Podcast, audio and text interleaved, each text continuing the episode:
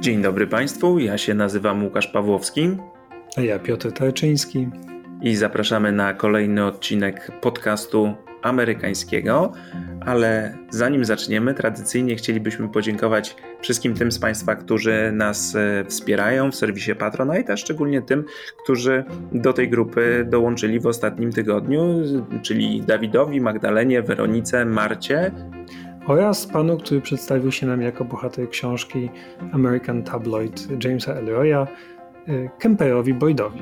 Jeszcze raz serdecznie dziękujemy, że jesteście Państwo wszyscy z nami w, w Patronite y, i zapraszamy na kolejny odcinek. Tym razem pogadamy o mm, ostatnich wyborach, serii wyborów, które odbyły się w Stanach Zjednoczonych i które zakończyły się, chyba mogę tak powiedzieć, no, porażką albo poważną porażką y, Partii Demokratycznej.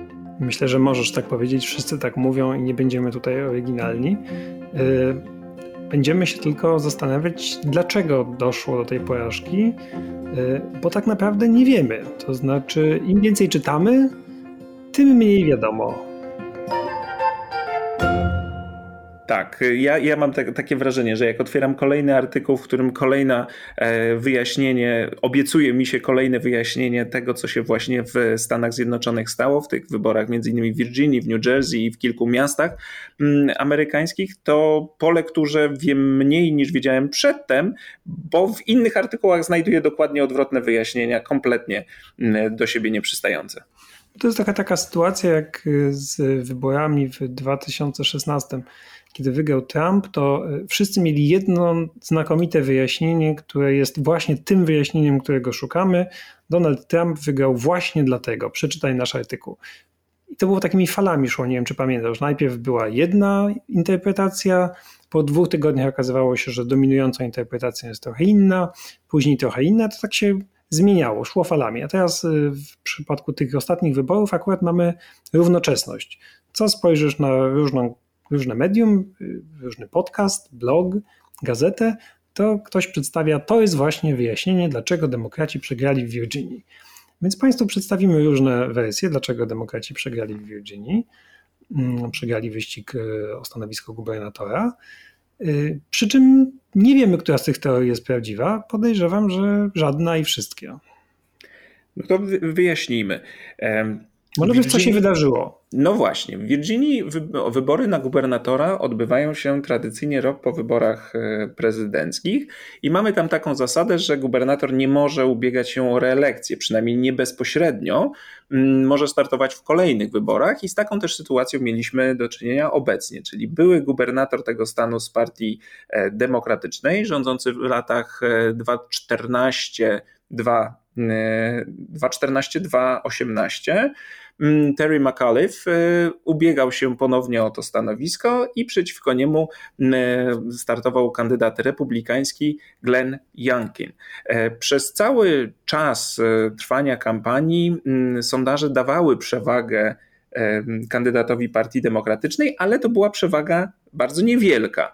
5-7% niekiedy i im bliżej było wyborów, tym ta różnica stawała się mniejsza, ona oscylowała w granicach błędu statystycznego. Ostatecznie wygrał kandydat republikański, wygrał Glenn Youngkin e, niewielką przewagą dwóch punktów procentowych. Niewielką, ale w sytuacji, w której Ameryka jest tak spolaryzowana, jak jest, e, w Stanach takich jak Virginia, która jest e, no, jeszcze niedawno, powiedzmy, była stanem takim mieszanym, tak? mogła pójść w jedną lub w drugą stronę. Od pewnego czasu była uważana za stan demokratyczny, ale no właśnie, ta zasada, że partia rządząca, partia, która kontroluje Biały Dom, przegrywa w wyborach w Virginii rok po wyborach prezydenckich, się sprawdziła. Tak, bo tu trzeba powiedzieć, że od, od 1978 roku e, tylko raz partia prezydenta wygrała te wybory w Virginii na gubernatora i to był właśnie Terry McAuliffe, ten, który kandydował także teraz, który zwyciężył w wyborach w roku 2013, kiedy Barack Obama był e, prezydentem. A tak to zawsze partia urzędującego prezydenta wybory przegrywa. Więc to jest jedno z wyjaśnień, które pojawia się, kiedy mowa o przyczynach tej porażki porażki. No tak to już jest. Mówi, mówi część ekspertów, że te wybory w Virginii są dla mieszkańców tego stanu takim pierwszym momentem, kiedy mogą wyrazić swoje niezadowolenie z rządów partii obecnie dominującej w Białym Domu. No i e, to, to niezadowolenie wyrażają, a z kolei wyborcy prezydenta urzędującego nie są tak zmobilizowani, no bo mają partię rządzącą w Białym Domu, mają e, niekiedy także dominację w kongresie, w związku z tym nie są tak zmotywowani jak ci, którzy chcą pokazać swoje niezadowolenie i dlatego partia rządząca zwykle przegrywa. Żeby Państwu pokazać, e, jaka to jest zmiana, mm, na przykład w 2008 roku Obama wygrał w Virginii z, z McCainem stosunkiem e, 52 do 46%, ale już rok później republikanin został gubernatorem tego stanu, pokonując demokratę 58 do 41. To jest nawet większa, y, większa różnica niż, y, niż teraz, niż w, w tym przypadku. W 2000 roku, czyli wcześniej, George W. Bush wygrał z Gorem 52 do 44. Rok później demokrata pokonał republikanina w wyścigu gubernatorskim Tyle samo, 52 do 44. Teoretycznie jest to po prostu naturalny trend, tak to już bywa. McAuliffe'owi nie wyszło, e, a to, że wyszło mu w, wtedy, w 2013, mówią, no to dlatego, że przeciwko sobie miał wyjątkowo nieudanego republikańskiego kandydata, e, takiego naprawdę ultraprawicowego gościa, który był takim proto-Trumpem w czasach przed Trumpem, który wręcz maniakalnie walczył z gejami, ze, nie wierzył w zmiany klimatu i tak dalej, i tak dalej. Tylko dlatego, że to był tak fatalny republikański kandydat, to McAuliffe'owi udało się, udało się wygrać.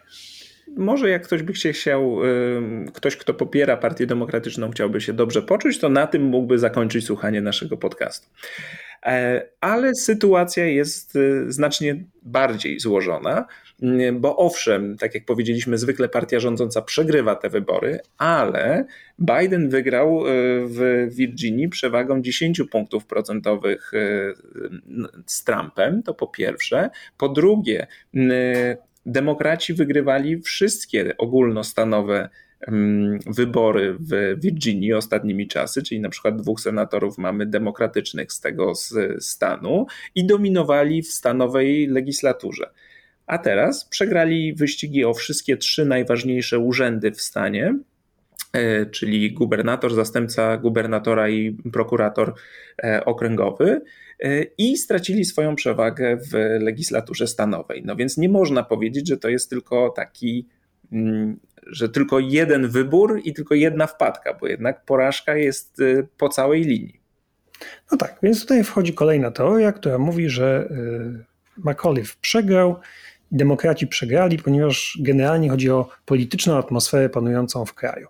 O frustrację tym, że pandemia się nie kończy, y, z powodów gospodarczych, Afganistan, chociaż prawdę mówiąc mało kto już o tym chyba pamięta, no ale okej. Okay no, bałagan w Waszyngtonie, niemożność uchwalenia czegokolwiek, paraliż legislacyjny, generalnie niezadowolenie ze status quo, które odzwierciedlone jest w notowaniach Bidena. Bo dodajmy, rzeczywiście notowania Bidena są złe. Do połowy sierpnia miał powyżej 50% y, głosów, które go wspierały, znaczy ponad połowa Amerykanów uważała, że dobrze wypełnia swoje obowiązki. Teraz ma niecałe 43%. To jest bardzo rzeczywiście zły wynik. Szczególnie kiedy popatrzy się y, na to, y, co Amerykanie uważają na temat gospodarki na przykład. Od kwietnia do października. W kwietniu ludzi, którzy uważali, że Biden radzi sobie z gospodarką lepiej, było o 9% więcej niż tych, którzy uważali, że radzi sobie źle. Teraz to jest minus 17%. Jeszcze gorzej jest w przypadku pandemii. W kwietniu 42% y, przewagi tych, którzy uważają, że Biden radził sobie dobrze, nad tymi, którzy uważali, że radzi sobie źle. Teraz to jest tylko 4%. Rzeczywiście wariant Delta z mm, jego no, spustoszenie, jakie sieje, rzeczywiście y, Bidena pogrążyło. I widzimy to także w innych sondażach, na przykład takich sondażach, które pytają Amerykanów, jaka, która z partii lepiej radzi sobie w określonej dziedzinie życia. I na przykład demokraci mają wyraźną przewagę nad republikanami w takich kwestiach jak zmiany klimatyczne, ale co ciekawe, mają także przewagę wciąż, jeśli chodzi o radzenie sobie z pandemią, czy w kwestiach polityki edukacyjnej. Mm, natomiast w kwestiach takich jak e, przestępczość, inflacja, czy ochrona granic. Tutaj absolutna dominacja Partii Republikańskiej i aż 18 punktów procentowych przewagi Republikanów, także w kwestiach radzenia sobie z gospodarką. E, to, to jest sondaż dla stacji telewizyjnej NBC, e, które pokazuje, że jeśli chodzi o te chociażby sprawy gospodarcze, to tutaj demokraci tracą. No to a jak jest z tą gospodarką? Bo ja też im więcej czytam, tym mniej rozumiem. Gospodarka amerykańska wysyła sprzeczne sygnały. Z jednej strony jest ta inflacja, to fakt, i niedobory, i problemy z dostawami, o czym się cały czas czyta. Ale z drugiej strony podobno wyjątkowo dobry rynek pracy, rosną pensje, zwłaszcza te najniższe. Pracodawcy biją się o pracowników, którzy rzucają gówniane prace. Więc i w ogóle badanie opinii publicznej z Virginii sprawdzałem, pokazuje, że ponad połowa mieszkańców Virginii uważa, że gospodarka ma się dobrze albo bardzo dobrze. A jeszcze inny sondaż, który mówi, że kiedy ludzi spytano o to, jak łatwo jest dzisiaj zdobyć pracę, to te wyniki są najlepsze od 2000 roku. Takie subiektywne odczucie, jak wygląda rynek pracy i czy łatwo dziś zdobyć pracę. No i to jest także jedna z przyczyn, to poczucie, że łatwo dziś zdobyć pracę, wyjaśniających mm, fakt, że Amerykanie tak się nie garną do powrotu na rynek pracy i tych pracowników brakuje. Jedno z wyjaśnień mówi właśnie tyle, że Amerykanie są przekonani, że tę pracę dostaną kiedy ostatecznie będą jej potrzebować, w związku z tym wolą poczekać, może poczekać na lepszą ofertę. Z kolei badania też pokazują, że y, ten chaos w Waszyngtonie, niemożność uchwalenia czegokolwiek miała duże znaczenie. Y, ankietowani y, podawali to jako rzecz, którą się naprawdę martwią. No bo faktem jest, że od początku swojej kadencji Bidenowi de facto udało się uchwalić tylko ten antykowidowy, antypandemiczny pakiet na samym początku swojego urzędowania, a potem nic. Z powodów, o których Państwu oczywiście opowiadamy w, w podcaście dość często. Wiecie Państwo, Manchin, Cinema, Build Back Better, ustawa infrastrukturalna i tak dalej. Skoro już mówisz o, o tym Build Back Better, to są jeszcze sondaże pokazujące, i to o tym też wspominaliśmy, że większość Amerykanów nie ma pojęcia, co tam jest. E, albo i w związku z tym część z nich albo przyznaje, nie wiem, co się tam znajduje, albo boi się, że te ustawy zamiast im pomóc, tylko im zaszkodzą. I tu znów e, sondaż e, tym razem dla, dla stacji ABC, w którym tylko 25% ankietowanych powiedziało, że te, te, te ustawy by pomogły ludziom tak takim jak oni, 32% powiedziało, że pewnie te ustawy im zaszkodzą, a pozostała część respondentów po prostu nie wiedziała dostatecznie dużo na temat tych ustaw, żeby zająć jakieś stanowisko. No to to pokazuje, że mm, demokraci w Waszyngtonie fatalnie radzą sobie z komunikacją i fatalnie radzą sobie z opowieścią o tym, e, co chcą tak naprawdę zmienić w życiu Amerykanów. No tak, no, skoro Amerykanie nie wiedzą, co jest dokładnie w ustawie i wiedzą tylko, że trwa chaos i demokraci nie mogą dojść do porozumienia, czyli nikt nie panuje nad sytuacją, czyli Waszyngton nie robi tego, co do niego należy i tak dalej, i tak dalej. No i to niezadowolenie znajduje swoje wyjście, swoje ujście przy, przy urnach i, i, i dlatego taki wynik, a nie inny. No, sam e, McAuliffe, czyli kandydat Partii Demokratycznej w tych wyborach gubernatorskich, e, twierdził, że gdyby miał uchwaloną e, choćby ustawę infrastrukturalną, gdyby mógł pokazać jakiś most czy drogę, która właśnie zostanie niedługo naprawiona dzięki tym pieniądzom, no to byłoby mu łatwiej prowadzić, prowadzić tę kampanię. Poza tym jest jeszcze taki argument mówiący, że tak jak kiedyś można było powiedzieć, że cała polityka jest polityką lokalną, że najważniejsze jest to, co dzieje się na poziomie lokalnym, bo ludzie głosują opierając się na tym, co widzą najbliżej, dookoła siebie, tak teraz cała polityka stała się polityką państwową na poziomie ogólnonarodowym. To znaczy, e, wyborcy w wyborach na gubernatora nie patrzą na gubernatora, na tego człowieka, który kandyduje, tylko patrzą na Waszyngton, patrzą na prezydenta, e, patrzą na takie największe gwiazdy polityczne i to na podstawie oceny tych ludzi dokonują swojego wyboru. Jeżeli im się nie podoba prezydent, nie podoba lider większości w Senacie czy w Izbie Reprezentantów, no to to głosują przeciwko, niekoniecznie oceniając wartość swojego lokalnego kandydata. to, że demokraci popełniają błędy komunikacyjne i nie potrafią wyjaśnić wyborcom tego, co chcą osiągnąć, widać najlepiej w, w, takim fakcie, że z jednej strony ludzie obawiają się tej ustawy Build Back Better albo niewiele o niej wiedzą, ale kiedy zapytać Amerykanów o konkretne rozwiązania, które są w tych ustawach zawarte, i zapytać na przykład, czy Amerykanie są za opodatkowaniem najbogatszych albo za lepszą opieką zdrowotną lub e, opieką taką socjalną, na przykład opieką nad dziećmi, to te propozycje są popularne, tylko Amerykanie nie łączą jednego z drugim. I to już jest wina demokratów, którzy nieodpowiednio to komunikują. No tak, no ale ludzie też nie wiedzą. Co jest w ustawie, bo nikt nie wie, co jest w tej ustawie, dlatego że jedna rzecz nagle w tej ustawie z niej wypada, za chwilkę do niej wraca. Y, urlopy macierzyńskie najpierw były, później zostały skrócone, później zostały wyrzucone. Od tamtego czasu znowu wróciły, chociaż Manchin się z nimi nie zgadza i tak dalej. Jeśli ktoś nie śledzi polityki bardzo, mm, bardzo dokładnie, a większość wyborców nie śledzi, no to tak naprawdę nie wiedzą, co znajdzie się w tej ustawie, nie ma bowiem jej treści wciąż. No i jest wrażenie chaosu. No jeżeli my, którzy robimy, robimy to, to, to no niejako zawodowo i też nie wiemy, co się ostatecznie w niej znajdzie i mamy takie poczucie, że im więcej czytamy, tym większy chaos tylko nam w głowach powstaje, to, to trudno się dziwić, że takie wrażenie ma ktoś, kto politykę śledzi tylko z doskoku, że, że to wrażenie chaosu jest właściwie wszechobecne.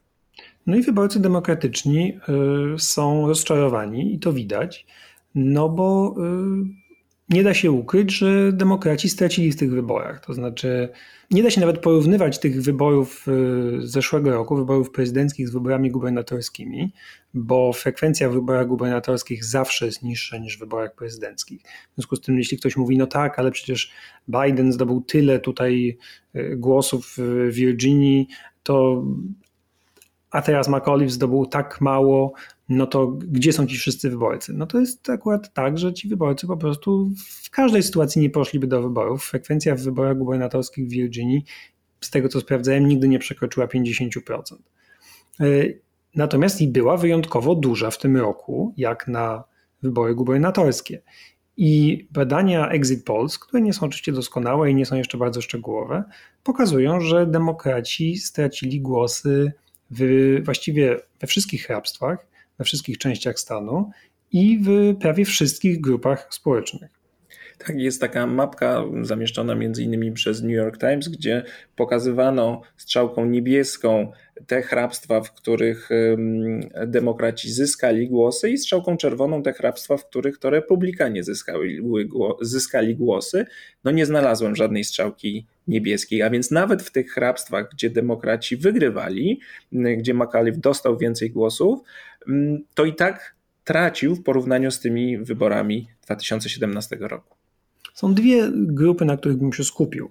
One są najważniejsze. Po pierwsze, wyborcy tak zwani niezależni, yy, czyli ci, którzy de facto decydują o wyniku każdych wyborów w takich stanach jak Virginia, tak? No bo jakby w sytuacji rosnącej polaryzacji, o której Państwu wielokrotnie mówiliśmy, wyborcy demokratyczni głosują na swojego kandydata, kto by nim nie był, wyborcy republikańscy na swojego. Cała walka toczy się tak naprawdę o tych, yy, te kilka procent wyborców tak zwanych niezależnych, niezdecydowanych.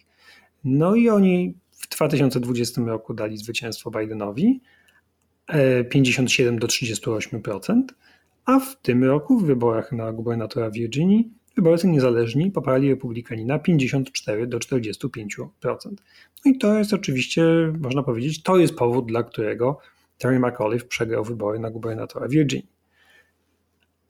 Ale druga grupa, która wydaje mi się znacznie e, ciekawsza i ważniejsza, i to jakby łączy się z kolejną próbą odpowiedzi na pytanie, czemu demokraci przegrali, to są, y, to jest to, jak głosowały kobiety. Białe kobiety zwłaszcza. Tutaj przesunięcie jest o 15%.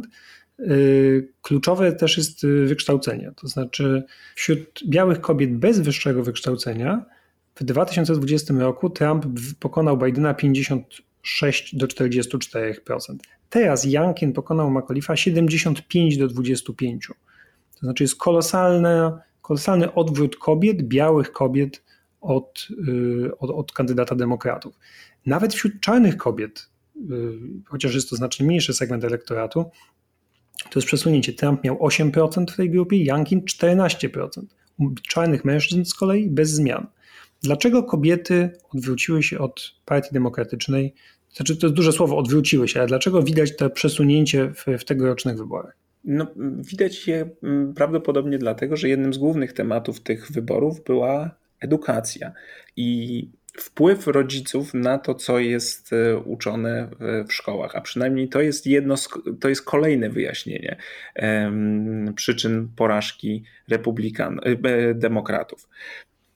I o co chodzi? To znaczy, w pewnym momencie w w kampanii coraz większe znaczenie zaczęła mieć critical race theory, czyli ta krytyczna teoria rasy, która republikanom służy do straszenia rodziców, e, że w, w szkołach dzieci będą uczyły się tego, że Stany Zjednoczone są zbudowane tylko i wyłącznie na rasizmie, że to jest y, państwo, które jest mm, gdyby w samym swoim systemie rasistowskie, oparte na wyzysku, że biali, y, biali korzystają z przywilejów rasowych, a w związku z tym ich osiągnięcia życiowe są oparte na tym przywileju, a nie na indywidualnych zasługach, że biali powinni się wstydzić za swoje państwo i tak dalej, i tak dalej. To znaczy taka jest opowieść.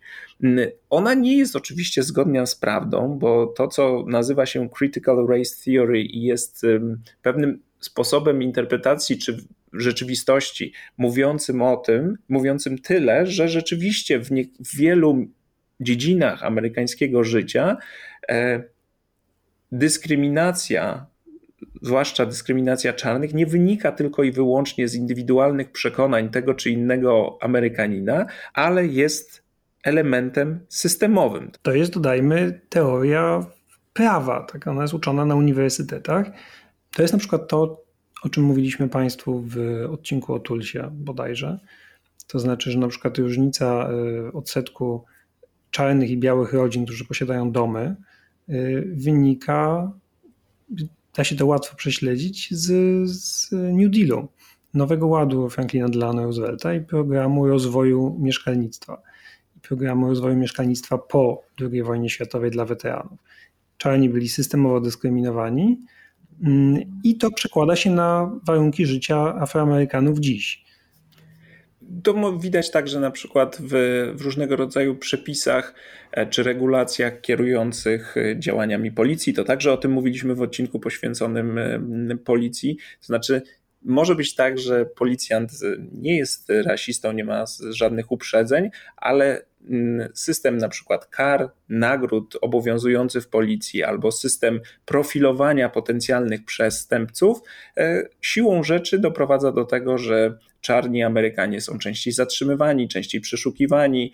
E, I nie jest to zależne od poglądów tego czy innego funkcjonariusza, ale funkcjonuje on w takich ramach prawnych, regulacyjnych, że skutkiem jest na przykład e, większa częstotliwość aresztowania czarnych, czy skutkiem jest to, że większo, większa liczba procentowo czarnych e, siedzi w amerykańskich więzieniach. I critical race theory jest zasadniczo teorią prawniczą. Tak? Ona jest używana na uniwersytetach do interpretacji prawa, do, jest to pewna perspektywa patrzenia na przepisy prawne. I nie jest to coś, co jest uczone w, w szkołach, zwłaszcza nie jest to uczone przedszkolakom czy, czy, czy w podstawówkach. Natomiast służy ona y, jako straszak, jest takim wygodnym, y, groźnie brzmiącym terminem, która jest trochę tak jak gender w Polsce. To znaczy nie do końca wiadomo, co to jest, ale brzmi niebezpiecznie. I to jest coś, co zła lewica próbuje wciskać państwo, państwa dzieciom. To jest y, naprawdę porównanie z genderem, z tym potworem genderem jest bardzo na miejscu. Tucker Carlson na przykład, który jest, y, czyli ten prezenter Fox News, y, najpopularniejsza pewnie osobowość telewizyjna w dzisiejszej Ameryce, który straszy critical race theory od niepamiętnych czasów, ale od roku zwłaszcza, mówił na przykład w czerwcu tego roku, że y, uczenie critical race theory doprowadzi do ludobójstwa białych, tak jak w Rwandzie. Przy czym tym tygodniu powiedział nawet, że on tak naprawdę, chociaż mówi o tym od roku, nie do końca nawet wie, co to jest. Na co jego rozmówca się roześmiał, obaj się wesoło roześmiali i tak dalej. Natomiast to pokazuje, że to nie chodzi tak naprawdę o tę critical race theory, taką jaką ona jest naprawdę na uniwersytetach, tylko to jest po prostu taki parasol, do którego, pod którym prawica zawiera absolutnie wszystko, czym można wystraszyć rodziców. Ja bym to y, porównał, to jest takie ach, ta szalona lewica, daj pan spokój, kto to widział. No to jest mniej więcej critical race theory dzisiaj na amerykańskiej prawicy, ale to działa znakomicie, ponieważ nie do końca wiadomo, co to jest, brzmi groźnie, łatwo tym wystraszyć. No, ale też e, przekłada się niekiedy na działania w szkołach czy mm, działania nauczycieli, które są już konkretne i które budzą duże kontrowersje. Tak? W jednym z tekstów e, w, w The Atlantic Jasza Munk pisze właśnie o, o tej edukacji jako czynniku, który doprowadził do, do przegranej demokratów w Virginii. I on stawia taką tezę, że owszem, możemy mówić, że ludzie tego nie rozumieją, nie wiedzą dokładnie, co to jest, że niepotrzebnie się tego e, obawiają, bo przecież critical race theory nie jest nauczana w szkołach podstawowych, czy, czy tym bardziej w przedszkolach. I można się wyśmiewać z, z wyborców republikańskich, że boją się Yeti, który nie istnieje ale to nie zmienia faktu, że ci ludzie mają swoje obawy i wyśmiewanie ich albo ignorowanie tych e, obaw no, prowadzi do takich skutków, do jakich doprowadziło w Virginii. Co więcej, to nie jest tak, że boją się tego wyłącznie e, rodzice republikańscy. E, czytałem taki ciekawy tekst w magazynie New York o tym, jak wyborcy demokratyczni, liberalni również mają zastrzeżenia do pewnej pewnego wykonania tej edukacji e, równościowej, która zasadniczo jest słuszna, którą oni popierają, ale widzą problemy. I oczywiście jest tak, że prawica znajdzie zawsze jakiś jednego niekompetentnego nauczyciela, który to robi w sposób niedelikatny, niewłaściwy albo po prostu głupi. I będzie temat wałkowała w nieskończoność, e, z pomocą Fox News oczywiście, i przedstawiała jako dowód na to, że tak edukacja równościowa, czy zwracająca uwagę na nierówności rasowe wygląda w całym kraju, jest e, absolutnym idiotyzmem, no i właśnie kto to widział, dajcie, dajcie spokój i tak dalej. Tego uczą wasze, tego chcą uczyć waszych dzieci. Natomiast y, ignorowanie tego problemu i próba zakwalifikowania wszystkich wyborców, którzy, którzy może nie boją się, ale które mają jakieś zastrzeżenia do sposobu, w jaki ta edukacja jest przeprowadzana i e, sprowadzania ich od razu do roli rozwydrzonych Karen, które są po prostu tak naprawdę rasistkami. I nazywanie takich ludzi od razu rasistami nie jest zbyt mądrą strategią wyborczą, bo to są ludzie często, którzy dali y, demokratom wygraną w, w zeszłorocznych wyborach, na przykład w Virginii. I w tym roku y, wśród nich widać było odwrót i albo pewnie nie poszli zagłosować, albo część zagłosowała na republikanina. W tym tekście, do którego się odwoływałem, Munk przywołuje takie właśnie przykłady kontrowersyjnych działań nauczycieli, jak na przykład wówczas, gdy mm, w szkole średniej uczniowie mieli oszacować skalę swojego uprzywilejowania na podstawie różnych swoich cech, między innymi na podstawie koloru swojej skóry, jak bardzo są uprzywilejowani z, z tego tytułu, albo w innej szkole, gdzie mm, uczono na historii, że rasizm w Stanach Zjednoczonych to nie tylko jest zjawisko obecne, przeszłe, z którym trzeba, trzeba walczyć, ale że ono jest jakby definicyjną cechą całych Stanów Zjednoczonych, jakby fundamentem e, Stanów Zjednoczonych, co oczywiście budzi kontrowersje. Możemy sobie debatować na studiach na, na ten temat, ale w przypadku szkoły średniej taka wykładnia wśród wielu rodziców budzi obawy. No ale tu wracamy jeszcze raz do tego wyścigu w Virginii, bo trzeba sobie zadać pytanie, czy rzeczywiście ta edukacja, tak jak e, sugerujesz, miała wpływ, bo mm, z jednej strony słyszymy, że to jest rzecz marginalna, nie taka istotna dla rodziców. Na przykład w podcaście Pod Safe America przywoływano takie badania, które pokazywały, że edukacja była wskazywana na trzecim miejscu. E, dopiero jako ta najważniejsza cecha decydująca o, o, wy, o wyborze. To były badania Exit Polls. E, na pierwszym miejscu była gospodarka, na drugim miejscu to była pandemia. No i w związku z tym twierdzono, że to nie jest aż tak istotne i pokazywano jeszcze jedną rzecz, że e, według tych exit polls e, e, Glenn Youngkin równie dobrze poradził sobie wśród wyborców z dziećmi, jak i tych bez dzieci. W związku z tym posiadanie dzieci i obawa o los tych dzieci w szkole może nie była tak istotnym czynnikiem. No tak, ale ja z kolei widziałem badania, które pokazały, że critical race theory było najważniejsze dla 25% wyborców w Virginii, a dla 72% było, uwaga, ważne. Czyli znowu wracamy do tego, że tak naprawdę nic nie wiemy. No ja mam jeszcze inny sondaż, jeszcze sprzed wyborów, który z kolei pokazuje, że większość wyborców, to znaczy nie ponad 50%, ale największa liczba wyborców wskazała, wskazała właśnie e, edukację jako najważniejszy e, element czy, temat tych wyborów. A więc mamy i takie sondaże, w których ta edukacja była na pierwszym miejscu jako najważniejsza e, kwestia. No bo edukacja to nie jest tylko to, czego się uczy, ale też jak się uczy. I rzeczywiście pandemia jest poważnym problemem i e, to jest coś, co, co było widoczne w Virginii. Zamykanie szkół, e, które oczywiście było bardzo ciężkie dla rodziców. W Virginii szkoły były zamknięte bardzo, bardzo długo. To był jeden z tych stanów, gdzie były zamknięte najdłużej. Ja e, znalazłem dane, że to był siódmy pod względem, pod tym względem stan w, w Stanach Zjednoczonych. No dobrze, no, Stanów jest 50, więc, więc rzeczywiście tam i w New Jersey, o którym też Państwu później powiemy, y, szkoły były zamknięte bardzo długo, co oczywiście odbyło się, odbiło się na frustracji rodziców. Y, teraz jest z kolei kwestia y, obowiązkowych masek w szkołach, przeciwko czemu protestuje część rodziców. Część rodziców pewnie protestuje dlatego, że jest antyszczepionkowcami i, tak dalej, ale zapewne nie wszyscy. Znaczy, frustracja rodziców z powodu edukacji w czasie pandemii jest, jest realna. Natomiast na to wszystko nałożyły się wojny kulturowe, które republikanie znakomicie potrafią wygrywać, bo też nie ma co udawać, że rasizm nie odegrał żadnej roli w, w tych wyborach i w tej kwestii edukacji. Znaczy, critical race theory, jak już powiedzieliśmy, no to jest z jednej strony straszak, y, z drugiej strony jakaś kwestia, która rzeczywiście ludzi motywuje, mm, a republikanie znakomicie potrafią wygrywać frustrację i y, można powiedzieć robić z igły widły, ale też jakby narzucać swoją narrację w czym oczywiście wydatnie pomaga Fox News.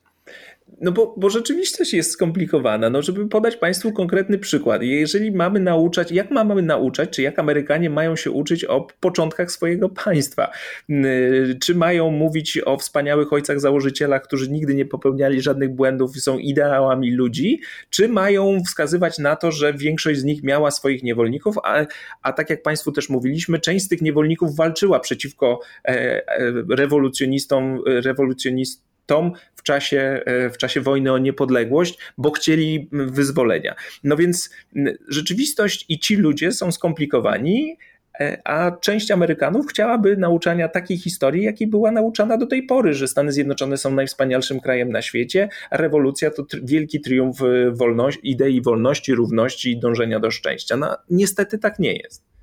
No tak, no i powstają takie organizacje rodziców, organizacje praw rodziców, nazywają się na przykład Moms for Liberty, Matki na Rzecz Wolności, które bardzo się boją critical race theory, bardzo się boją również LGBT, bo to też jest kwestia, która teraz jest mniej istotna, została przykryta przez tą krytyczną teorię rasy, ale jakiś czas temu mówiliśmy Państwu też e, o innej moralnej panice, którą republikanie wzbudzają. Chodzi o prawa uczniów transpłciowych, o toalety, o szatnie, o uczestnictwo transpłciowych dzieci w, w zawodach szkolnych itd. Tak itd. Y, to w Virginii też było obecne, ale rzeczywiście kwestia e, nauczania mm, critical race theory okazała się ważniejsza. No i takie organizacje typu ten Moms for Liberty organizują protesty, organizują głośne protesty, e, które później Fox News e, puszcza u siebie na okrągło. Głośnym echem odbiła się taka sytuacja w hrabstwie Ludą w Virginii, na północy stanu, na przedmieściach Waszyngtonu. To jest bardzo zamożne hrabstwo. I tamtejsza, posiedzenie tamtejszej Rady Edukacji, czyli takiego ciała, które nadzoruje e, przepisy szkolne, ale też program, program edukacyjny. E, no i tam odbyła się awantura, to znaczy zatroskani rodzice pojawili się i zaczęli po prostu atakować e, członków Rady Edukacji, głównie werbalnie. O tym, że uczycie dzieci nienawidzić samych siebie z powodu koloru ich skóry, uczycie je kłamać w sprawie płci innych dzieci, E, zarzut y, rasizmu tam padał po prostu bardzo często, że edukacja równościowa jest w gruncie rzeczy rasistowska, co oczywiście jest bardzo zuchwałym oskarżeniem w tym hrabstwie, gdzie desegregacja w szkołach została dokonana jako jedna w ostatnich y, w całym kraju. To znaczy tam szko szkoły w hrabstwie Ludą były, mm, segregacja rasowa obowiązywała bardzo, bardzo długo, do lat 70. Ale zaszły w tym hrabstwie ogromne zmiany demograficzne. W ciągu 20 lat populacja wzrosła o 150% i z hrabstwa, które było w 85% białe, teraz jest tylko w 60% białe. A wśród y, dzieci w szkołach ten odsetek białych dzieci jest jeszcze niższy. No i to oczywiście powoduje napięcia, napięcia rasowe. E, nauczyciele zaczęli mieć szkolenie antyuprzedzeniowe, równościowe, kiedy się okazało, że niebiałe dzieci są traktowane gorzej, częściej karane na przykład i tak dalej. E, zakazano takich rzeczy, wydawałoby się niekontrowersyjnych, jak e, flaga Konfederacji. Tak? Dzieci nie mogą mieć przypinek z flagą Konfederacji. No i oczywiście rozpoczął się backlash, to znaczy mniejszość, głośna mniejszość, ale jednak mniejszość, zaczęła protestować. Zaczęły się te protesty w, na posiedzeniu Rady Edukacji Hrabstwa Ludą. Zaczęły się formułować zwalczające się obozy, w czym wyraźnie pomógł Facebook, nawiasem mówiąc, kolejny bohater jednego z naszych odcinków ostatnich. No i na to wszystko pojawiają się media, pojawiają się prawicowe media, dla których to jest samograj. To znaczy posiedzenia y, Rady Edukacji w Hrabstwie Ludą były emitowane w Fox News cały czas, jako dowód na to, że oto zatroskani rodzice boją się o swoje pociechy, które są y, katowane przez złych liberałów, którzy uczą ich nienawidzić samych siebie. A najgorszą możliwą reakcją ze strony mm, Partii Demokratycznej jest, tak jak wspomnieliśmy, albo wyśmiewanie tych wszystkich lęków, e, bo nie tylko tacy rodzice się obawiają, nie tylko tacy rodzice, którzy e, pojawiają się na zebraniach i krzyczą, ale po prostu mają obawy, bo nie wiedzą do końca, co się dzieje w szkole, lub chcieliby mieć lepsze informacje, lub większy wpływ. E, więc wyśmiewanie ich na pewno nie jest dobrą strategią wyborczą, a mniej więcej to no może nie wyśmiał, ale zignorował te lęki Terry McAuliffe, kiedy podczas jednej z debat powiedział, że mm, nie sądzę, żeby rodzice powinni mieć wpływ na, na to, czego uczą szkoły. A przynajmniej to zdanie mu wycięto i z tego zdania Glenn Youngkin uczynił później taki młotek, którym ostatnich dniach, e, w ostatnim czasie kampanii, bo te słowa padły jakoś pod koniec września, a więc w ostatnim czasie kampanii Lianki uczynił z tego młot na, na swojego konkurenta. Ja gdzieś wyczytałem, że reklamy e, poświęcone sprawom edukacyjnym, w zestawie Jankina to było prawie 30% reklam, które on emitował. A to zdanie Makolifa o tym, że nie uważa, żeby rodzice powinni mówić szkołom, czego mają uczyć, tyczyło się tak naprawdę czegoś innego, było wyrywane z kontekstu. Chodziło mianowicie o wycofywanie książek ze szkolnych bibliotek. Dlatego, że jedną z takich też reklam Jankina, która pojawiła się w, w eterze, która była emitowana w Virginii, y, to była reklama takiej zatroskanej matki, która opowiadała o tym, że jej syn musiał przeczytać pewną książkę i potem miał straszne koszmary, były tym sceny wulgarnego seksu i to jest w ogóle bardzo traumatyczne. W reklamie nie pada tytuł książki. Zatroskana obywatelka okazała się później y, republikanką pracującą w administracji Trumpa. Tę książkę jej biedny syn czytał, kiedy miał 17-18 lat. Jest to Beloved Toni Morrison, laureatki Nagrody Nobla, książka nagrodzona Pulitzerem. Znakomita książka, rzeczywiście no, nieprzyjemna, no, ale nie może być przyjemna. Opowiada o rasizmie, niewolnictwie. I, no i jest to ciężka lektura, ale ważna. Natomiast... Y, Zupełnym przypadkiem jest to książka o rasizmie i niewolnictwie. Natomiast z tej reklamy um, zrobiła się cała afera i z tej jednej książki, ponieważ później ta pani chciała wycofać książkę Morrison ze szkolnej biblioteki, do czego nie doszło i w odpowiedzi na pytanie o to McAuliffe powiedział, że rodzice nie powinni decydować o tym, czego, yy, czego dzieci są uczone w szkołach. No ale rzeczywiście, jak to często bywa, zdanie wyrwane z kontekstu posłużyło jako narzędzie e, oponentom do tego, żeby go, tym walić go po głowie i okazało się bardzo, bardzo skuteczne.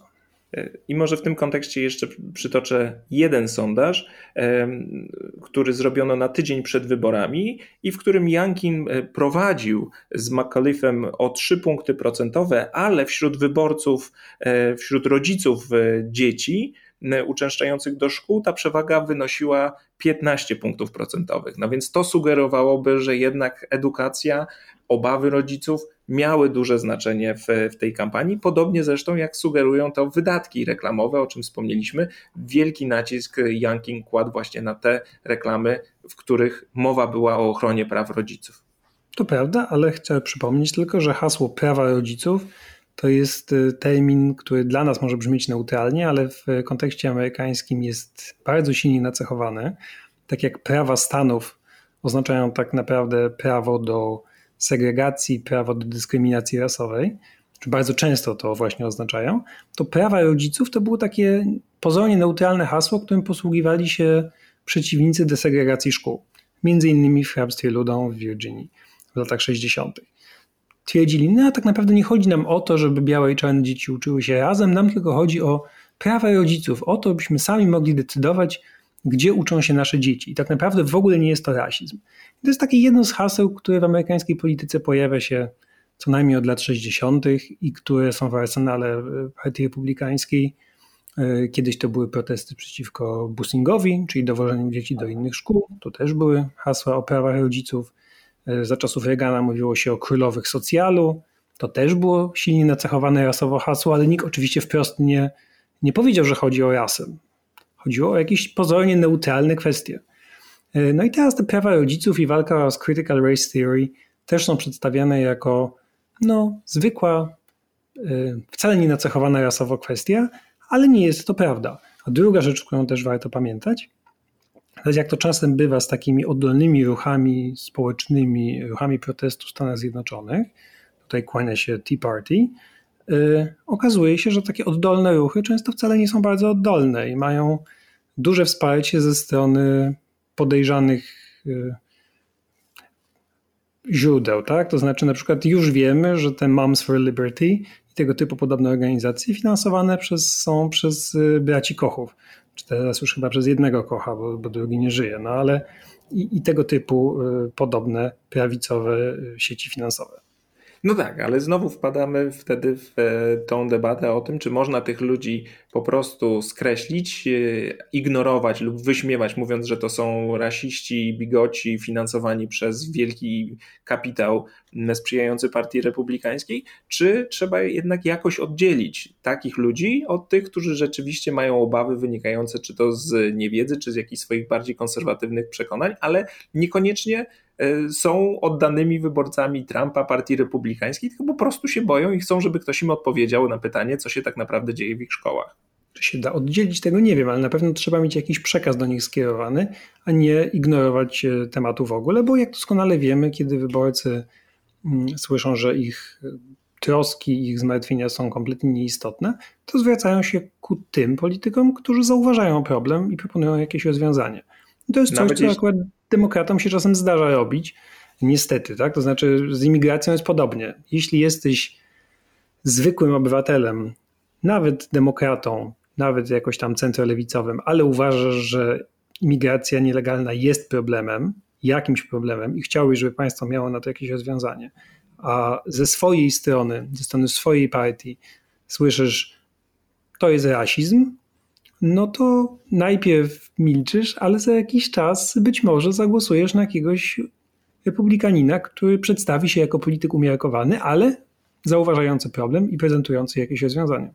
No i właśnie tak się przedstawiał Jankin w tej kampanii, e, bo oczywiście mm, można mówić o błędach demokratów i słabościach demokratów, ale mm, trzeba też powiedzieć, że Jankin poprowadził dobrą kampanię. To znaczy, udało mu się zrobić dwie rzeczy. Z jednej strony, nie stracić poparcia mm, tej bazy republikańskiej, nie tylko nie stracić poparcia, ale też zmobilizować ją do tego, żeby poszła do wyborów, bo frekwencja w tych wyborach była bardzo duża a z drugiej strony udało mu się odciąć od Trumpa. I tutaj McAuliffe, czyli jego demokratyczny konkurent, bardzo próbował powiązać Jankina z e, Trumpem, nazywał go nawet Trumpkin. E, próbowali demokraci sprowokować Trumpa do tego, żeby pojawił się w Virginii, żeby zorganizował jakieś swoje przedstawienie i dzięki temu mogliby obu panów połączyć, ale Jankin bardzo konsekwentnie tego unikał i nawet kiedy był zapraszany przez Trumpa do udziału w, w jakichś wspólnych wydarzeniach, to y, unikał tego i mówił, że on po prostu prowadzi swoją kampanię. Ale z drugiej strony pojawiał się oczywiście Fox News i puszczał oko do, do wyborców Trumpa. Zresztą Trump zaraz po, po tych wyborach e, musiał opublikować e, swoje oświadczenie, w, których, w którym zaznaczał, że tylko i wyłącznie dzięki jego bazie i dzięki mobilizacji jego wyborców m, to zwycięstwo Jankina mogło być, było możliwe m, i że ruch e, Trumpa jest silny jak nigdy. Tutaj akurat brak Twittera i brak tego Facebooka Trumpowi bardzo pomógł, czy pomógł Jankinowi, dlatego że normalnie, czy jeszcze dwa lata temu, Trump na pewno by coś cały czas pisał i można by łatwiej byłoby bardzo, dużo łatwiej byłoby powiązać Jankina z Trumpem i przypomnieć wyborcom o tym, kim jest Trump, jak się zachowuje, dlaczego jest niebezpieczny i tak dalej. Tymczasem demokraci i McAuliffe bardzo starali się mówić o Jankinie, że jest Trumpem light, y, a ten rozkładał ręce, uśmiechał się szeroko i mówił, ale jaki Trump? Tu nie ma żadnego Trumpa, y, macie jakąś obsesję. I, no i faktycznie, tak, y, rzeczywiście ta strategia działała. Jankin nie mówił na przykład o kradzieży wyborów w 2020 roku, czyli można powiedzieć, tu przedstawił się jako taki zwykły mainstreamowy republikanin starego typu. Z drugiej strony grał tą kartą y, edukacyjno-rasową Critical Race Theory, czym zyskiwał sobie poparcie republikańskiej bazy ale jednocześnie zapowiadał na przykład podwyżki dla nauczycieli, czyli e, coś, co mogło się spodobać bardziej centrowym wyborcom. Nie mówił, że chcemy e, dokonywać jakiejś tutaj e, mocnej rewolucji konserwatywnej w, szkolnictwie, ale zadbamy o naszych nauczycieli. A kolejną rzeczą, którą obiecywał, były między innymi cięcia podatkowe, a więc taka tradycyjna też narracja partii republikańskiej, mówiąca, że będziecie mniej płacić. I kolejna jego obietnica, taka tradycyjnie republikańska, że on jako były przedsiębiorca wie, jak jak naprawić gospodarkę, bo przecież odniósł wielki sukces w biznesie, jest zamożnym człowiekiem, więc e, tak jak sobie radził w biznesie, tak poradzi sobie w rządzie. Tak, to jest w ogóle zabawne, no bo Jankin jest, e, jak to często bywa wśród amerykańskich polityków, multimilionerem. Jest byłym szefem Carlyle Group, takiej no, nielubianej powiedzmy dużej korporacji, ale włożył polarową kamizelkę, udawał swojaka, sympatycznie się uśmiechał, Y, I rzeczywiście dokonał y, wielkiego osiągnięcia, znaczy potrafił połączyć te dwie grupy, tak? to znaczy bazę republikańską, zwolenników Trumpa, mimo że od Trumpa się dystansował, y, mimo że nie występował z nim na wiecach, nie mówił o nim i wyborców potrafił odbić wyborców niezależnych, przynajmniej część wyborców niezależnych, ludzi, którzy zagłosowali wcześniej, wcześniej na, na Bidena. I teraz ciekawe, jak to się w ogóle stało, że Jankin został kandydatem? No bo rzeczywiście teraz, oczywiście z tej perspektywy, y, wydaje się, że to był idealny kandydat do tego, żeby odbić Virginię. Ale Jankin nie został kandydatem na gubernatora, dlatego że wybrali go y, wyborcy w prawyborach. Gdyby tak było, to kandydatką na gubernatorkę byłaby y, Amanda Chase, taka ultratrampistka, która nie nosi masek, nosi broń na sali posiedzeń legislatury stanowej, broni konfederatów, broni ataków z 6 stycznia. To jest taką Marjorie Taylor Greene, tylko nie z Georgii, a z Virginii. Ona była faworytką. Gdyby odbywały się prawybory partii republikańskiej, to z pewnością ona by wygrała. Ale władze partii republikańskiej w Virginii, widząc co się święci i wiedząc, że z taką kandydatką pewnie nie mają szans na wygraną, e, zlikwidowały prawybory. To znaczy nie odbyły się prawybory. Odbyła się taka staromodna konwencja wyborcza typu XIX-wiecznego, to znaczy delegaci głosowali e, w kolejnych rundach i tak to się zdarzyło, że pani Amanda Chase nie zdobyła ani pierwszego miejsca, ani drugie, chyba trzecie dopiero. A kandydatem został niebudzący kontrowersji, sympatycznie wyglądający Glenn Youngkin, e, republikanin starego typu, który potrafił również apelować do, do, do tej bazy. Ale y, to pokazuje, że partia republikańska doskonale wie, że Trump i Trumpizm jest problemem, zwłaszcza w takich stanach e, jak Virginia, w stanach powiedzmy mm, centrowych, no, fioletowych, ani czerwonych, ani niebieskich, albo nawet niebieskich, ale wciąż e, będących w grze. Pytanie, czy ta strategia jest do powtórzenia w, w innych miejscach czy jest do powtórzenia w wyborach 2022 roku. I pytaniem jest też to, czy uda się powtórzyć e, inne osiągnięcie Jankina, czyli powstrzymywania Trumpa, powstrzymywanie Trumpa od mocnego zaangażowania się w kampanię, bo to jest kolejna rzecz, którą musimy otwarcie przyznać, nie wiemy jak, jak się dokonała, ale rzeczywiście Trump y, nie włączył się y, mocniej w tę kampanię, nie, nie organizował wieców, e, nie przy, przyklejał się mocno do kandydata republikańskiego. Rzeczywiście w jakiś sposób wpłynięto na niego tak, żeby nie zaszkodził kandydatowi republikanów. Ale czy to będzie możliwe w kolejnych wyborach, czyli w tych wyborach e, środka kadencji, gdzie kandydaci wspierani otwarcie przez Trumpa będą startować w całym kraju, no wówczas ta obecność Trumpa będzie znacznie bardziej widoczna. I być może wówczas straszenie Trumpem e, będzie dla demokratów bardziej korzystne, czy przyniesie lepsze efekty niż przyniosło w Virginii. Znaczy, na pewno będzie łatwiejsze, dlatego że ja po prostu nie wierzę w to, że Donald Trump będzie w stanie całe listopadowe wybory w przyszłym roku nie jeździć do niektórych miejsc. Jak to się stało teraz, że powiedzieli mu, panie Trump, y, bardzo prosimy, zostań pan na Florydzie, nie przyjeżdżaj do Virginii, bo inaczej nie wygramy. Z jakiegoś powodu to wyszło. Ale nie wyobrażam sobie sytuacji, w której w listopadzie przyszłego roku Y, strategzy partii republikańskiej, szefostwo partii mówi, mówi Trumpowi, prosimy nie jeździć do Wisconsin, prosimy nie jeździć do Michigan, prosimy nie jeździć do Ohio. Byłoby nam bardzo miło, gdyby został pan tylko, no nie wiem, w Georgii i na Florydzie. Przecież to jest niemożliwe. Zwłaszcza, że Glenn Youngkin nie robił jeszcze jednej rzeczy, którą y, robią prawie wszyscy kandydaci republikańscy dzisiaj, to znaczy nie mówił nic o fałszerstwach wyborczych. Nic nie mówił o Y, tym, że wybory w 2020 roku zostały Trumpowi ukradzione, y, ani o innych fałszerstwach. Dodajmy, że te wybory w Virginii odbyły się na nowych zasadach, które wprowadziła demokratyczna, wtedy jeszcze legislatura stanowa i które, i które to zasady są w gruncie rzeczy zgodne z tym, czego chcą demokraci w całym kraju. To znaczy łatwiej było głosować korespondencyjnie, łatwiej było głosować wcześniej i tak dalej, i tak dalej. Wszystko to, czego republikanie tak strasznie się boją i co uważają za źródło wszelkich problemów i, i po prostu pewną gwarancję fałszerstw wyborczych. No i teraz na tych nowych zasadach mm, republikanie wygrali. I czy słyszysz jakieś głosy republikańskie o tym, że doszło do strasznych oszustw, że jakieś nieprawidłowości wyborcze miały miejsce. Nie. Ani jedna, ani druga strona. Demokraci przegrali i nie mówią nagle, żeby były jakieś fałszerstwa, no bo tak po prostu nie robią, ale również republikanie nagle nie mają żadnych zastrzeżeń do y, procedury, która jeszcze w zeszłym roku, znaczy ba, no jeszcze przez cały ostatni rok jest y, po prostu powodem ich nieustannej histerii.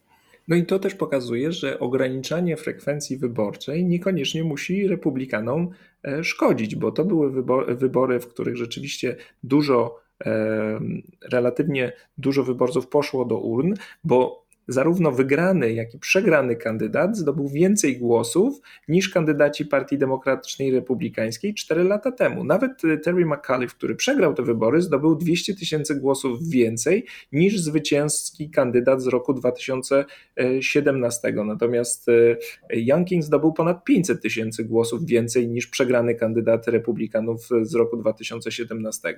Więc to pokazuje, że mm, to, co chcą wprowadzić demokraci, czyli ułatwić głosowanie na różne sposoby i tym samym zwiększyć frekwencję, niekoniecznie nie wszędzie i nie zawsze musi sprzyjać tylko i wyłącznie demokratom. Mogą na tym skorzystać także kandydaci partii republikańskiej.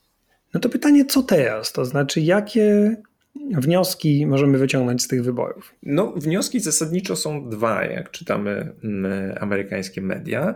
Znaczy, jedni mówią, e, szczególnie takie prawicowe media, na przykład Wall Street Journal, ale też The Economist, y, y, mówią, że to jest dowód na to, że lewicowa agenda Bidena poniosła klęskę i trzeba się stąd z, z tego jak najszybciej wycofać. Mówiąc konkretnie, jest taki tekst w Wall Street Journal, tekst odredakcyjny, mm, mówiący, że e, demokraci powinni natychmiast zrezygnować całkowicie z ustawy Build Back Better, porzucić ją, skupić się na przegłosowaniu ustawy tylko i wyłącznie infrastrukturalnej, a następnie, tu cytat, szukać jakichś projektów e, ponadpartyjnych czy projektów, które mogłyby zyskać poparcie obu partii, co jak wiemy jest bardzo trudne, no, no powiedzmy niemożliwe.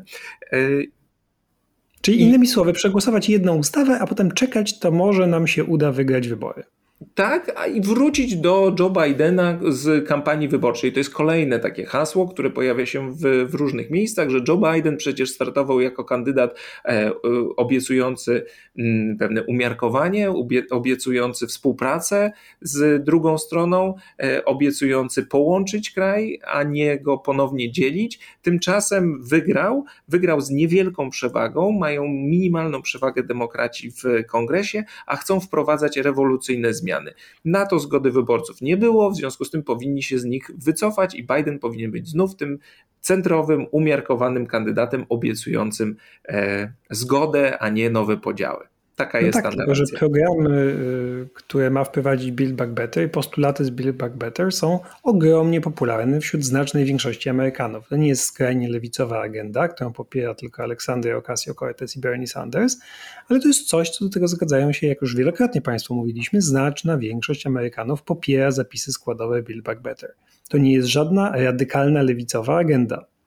No i to dochodzi do, tu mamy tą drugą odpowiedź, między innymi odpowiedź samego Bidena, który mówi, że problemem nie jest wizja czy propozycje, które przedstawia Partia Demokratyczna, tylko fakt, że jeszcze ich nie wprowadzono, a więc problemem nie wizja, tylko brak egzekucji tego, co, co obiecują. I w związku z tym Biden i wielu demokratów tym bardziej zachęca z, swoich polityków do tego, żeby e, te ustawy jak najszybciej przegłosować i e, twierdzi, prezydent twierdzi, że jeżeli nie dowiozą, jeżeli nie pokażą Amerykanom, że coś im się udało osiągnąć, no to to wówczas będzie prowadziło do całkowitej klęski w wyborach w połowie kadencji. A więc odwrotna reakcja. Nie tylko, nie tyle nie możemy się wycofać z tego, co obiecaliśmy, ale musimy jak najszybciej dostarczyć i pokazać, że udało się e, wprowadzić jakieś zmiany. No i to robią demokraci, to znaczy próbują zrobić, bo zarówno Biden prze do tego, żeby Build Back Better zostało uchwalone, a w kongresie wręcz jest jeszcze bardziej no, skręt w lewo się odbywa, można powiedzieć, ponieważ ten urlop macierzyński, który Joe Manchin wyrzucił z, z Build Back Better, właśnie do niej wrócił mm, z inicjatywy Nancy Pelosi. Nie, czy to przejdzie? Nie wiadomo. Kiedy przejdzie? Nie wiadomo. Mówi się teraz o święcie dziękczynienia, to jest 25 listopada w tym roku. Y, to ma być ten deadline do, do uchwalenia ustawy, no ale oczywiście nie jest to pierwszy deadline i obawiam się, że nie będzie ostatni. Ale faktem jest, że rzeczywiście y, ja przynajmniej uważam, że to jest jedyna strategia, to znaczy coś dowieść, coś zrobić, coś uchwalić, a potem móc się tym y, móc się tym chwalić i na okrągło powtarzać, co zrobiliśmy. Strategia pod tytułem uchwaliliśmy jedną ustawę, oto nasze osiągnięcie w tym roku, a teraz dajcie nam wygraną w wyborach, no wydaje mi się mało y, atrakcyjna i mało, y, mało możliwa.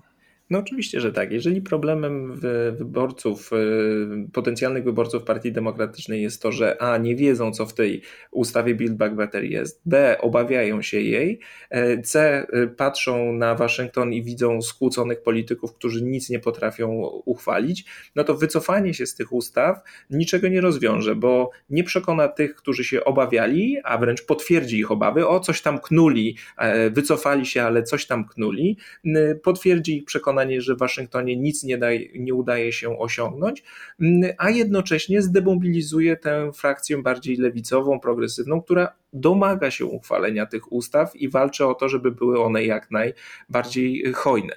Więc wycofanie się i, i pójście w bierność jest y, kompletnie błędną strategią trzeba uchwalić, a następnie przekonywać i pokazywać, co dokładnie się uchwaliło i sprawić, żeby większość wyborców wiedziała, y, y, jak y, korzysta na tych nowo uchwalonych ustawach.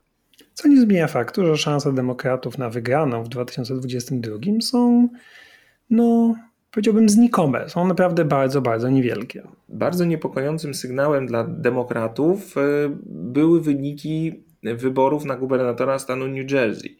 to paradoksalne, bo tam demokraci wygrali. Mało tego, że wygrali, udało się zdobyć im drugą kadencję w wyborach gubernatorskich. Chyba pierwszy raz od ponad 40 lat udało się wygrać e, reelekcję, ale wygrali minimalną przewagą głosów, mimo tego, że w sondażach przez właściwie całą kampanię mm, urzędujący gubernator z Partii Demokratycznej miał ogromną przewagę i wydawało się, że to jest tylko formalność te wybory. Natomiast ostatecznie okazało się, że wygrali minimalną przewagą i to jest jednak kamyczek do ogródka tych lewicowców, którzy mówią, że jeżeli wszystko przegłosują, to, to będzie na pewno lepiej, bo akurat w New Jersey mamy dość progresywnego gubernatora, który ma konkretne osiągnięcia e, i którymi to osiągnięciami się chwalił, a mimo to nie udało mu się, e, czy udało mu się wygrać tylko z minimalną e, przewagą głosów. No i nie wiem, jak to wyjaśnić, i co więcej, nikt nie wie. Wszyscy są zdziwieni, nikt nie zwraca uwagi na ten wyścig gubernatorski w New Jersey, wszyscy skupiali się na Virginii. Y, I teraz rzeczywiście ta, ta, to New Jersey jest pewną zagadką. Nikt jeszcze go dobrze nie, nie analizował, nie patrzył na exit polls. Y, no bo na pewno niektóre problemy y, ogólne, które pogrążyły demokratów w Virginii, działały też w New Jersey, tak? Jakby zmęczenie pandemią, niezadowolenie ze stanu gospodarki, ogólna frustracja ludzi tym, że w Waszyngtonie nic nie notowania. Bidena. To wszystko z pewnością też działało w, w New Jersey. Kwestia edukacyjna. Y, w tamtym wyścigu nie było mowy o critical race theory, natomiast y, istniał rzeczywiście problem y, edukacyjny, w takim sensie, że rodzice z, z New Jersey byli zmęczeni również zamknięciem szkół, przedłużającą się edukacją zdalną, która działa lub nie działa itd. Tak itd. Mm, ale równocześnie ten y, gubernator, gubernator Murphy, jak powiedziałeś, był jednym z najbardziej, czy jest jednym z najbardziej progresywnych gubernatorów y, w kraju, który wprowadził wiele postulatów y, lewicowych, jak na przykład 15 dolarów stawki minimalnej godzinowej, czy darmowy ten community college, który miał się znaleźć w pierwotnej wersji Build Back Better. Mm, no i to, no właśnie, nie pomogło. W końcu no, wygrał. I na no, to ci powiedzą ci drudzy, no dobrze, wygrał. Po raz pierwszy demokrata zdobył reelekcję od pół wieku. Wygrał, ale tak jak wspomnieliśmy, minimalną przewagą e, zdobył milion dwieście milion dwieście siedemdziesiąt jeden tysięcy głosów, a kandydat republikański Jack Ciattarelli zdobył milion dwieście czternaście tysięcy głosów i republikanie bardzo mocno podskoczyli, jeśli chodzi o liczbę głosów oddanych w stanie New Jersey, czyli udało im się zmobilizować naprawdę znaczną nową liczbę wyborców. W 2017 roku kandydat republikański dostał niespełna 900 tysięcy, a więc mamy skok o ponad 300 tysięcy, natomiast sam Phil Murphy e, tak 4 lata temu, jak i obecnie dostał 1 200 tysięcy głosów, teraz trochę więcej, e, ale różnica nie jest tak duża. Natomiast wśród wyborców republikańskich wyraźnie mamy większą, e, większą liczbę głosów oddanych na kandydata republikańskiego. No i to jest dla demokratów moim zdaniem dużo poważniejszy problem niż to, co się działo mm, w Virginii. No bo jeżeli masz polityka progresywnego i tak jak wspomnieliśmy, e, konkretne, realizacja konkretnych progresywnych postulatów, plus całkiem dobre radzenie sobie z pandemią, no to pokazuje, że jednak problem dla demokratów być może to jest ta polityka na poziomie Waszyngtonu i jeżeli tu się uda coś zmienić, to y, ci wyborcy powrócą, albo wyborcy republikańscy będą bardziej mniej zmobilizowani, żeby pójść na, i głosować na swoich kandydatów. Ale wydaje mi się, że, że te wybory powinny być dla demokratów równie dużym bólem głowy, co te wybory w Virginii, mimo że w New Jersey wygrali. Czyli generalnie mamy mnóstwo teorii wyjaśniających to, co się stało, a tak naprawdę niewiele wiadomo i nie wiadomo do końca, co się stanie w przyszłości, bo wszystko zależy, a wyborcy są chimeryczni. I tak można by podsumować chyba ten nasz godzinny odcinek. Tak, dziękujemy, że nas Państwo wysłuchali. Nie są Państwo dzięki temu ani trochę mądrzejsi. My też nie wiemy, co się wydarzyło, ani co się wydarzy. E, dziękujemy za, e, za to, że byli Państwo z nami i do usłyszenia za tydzień. Do usłyszenia.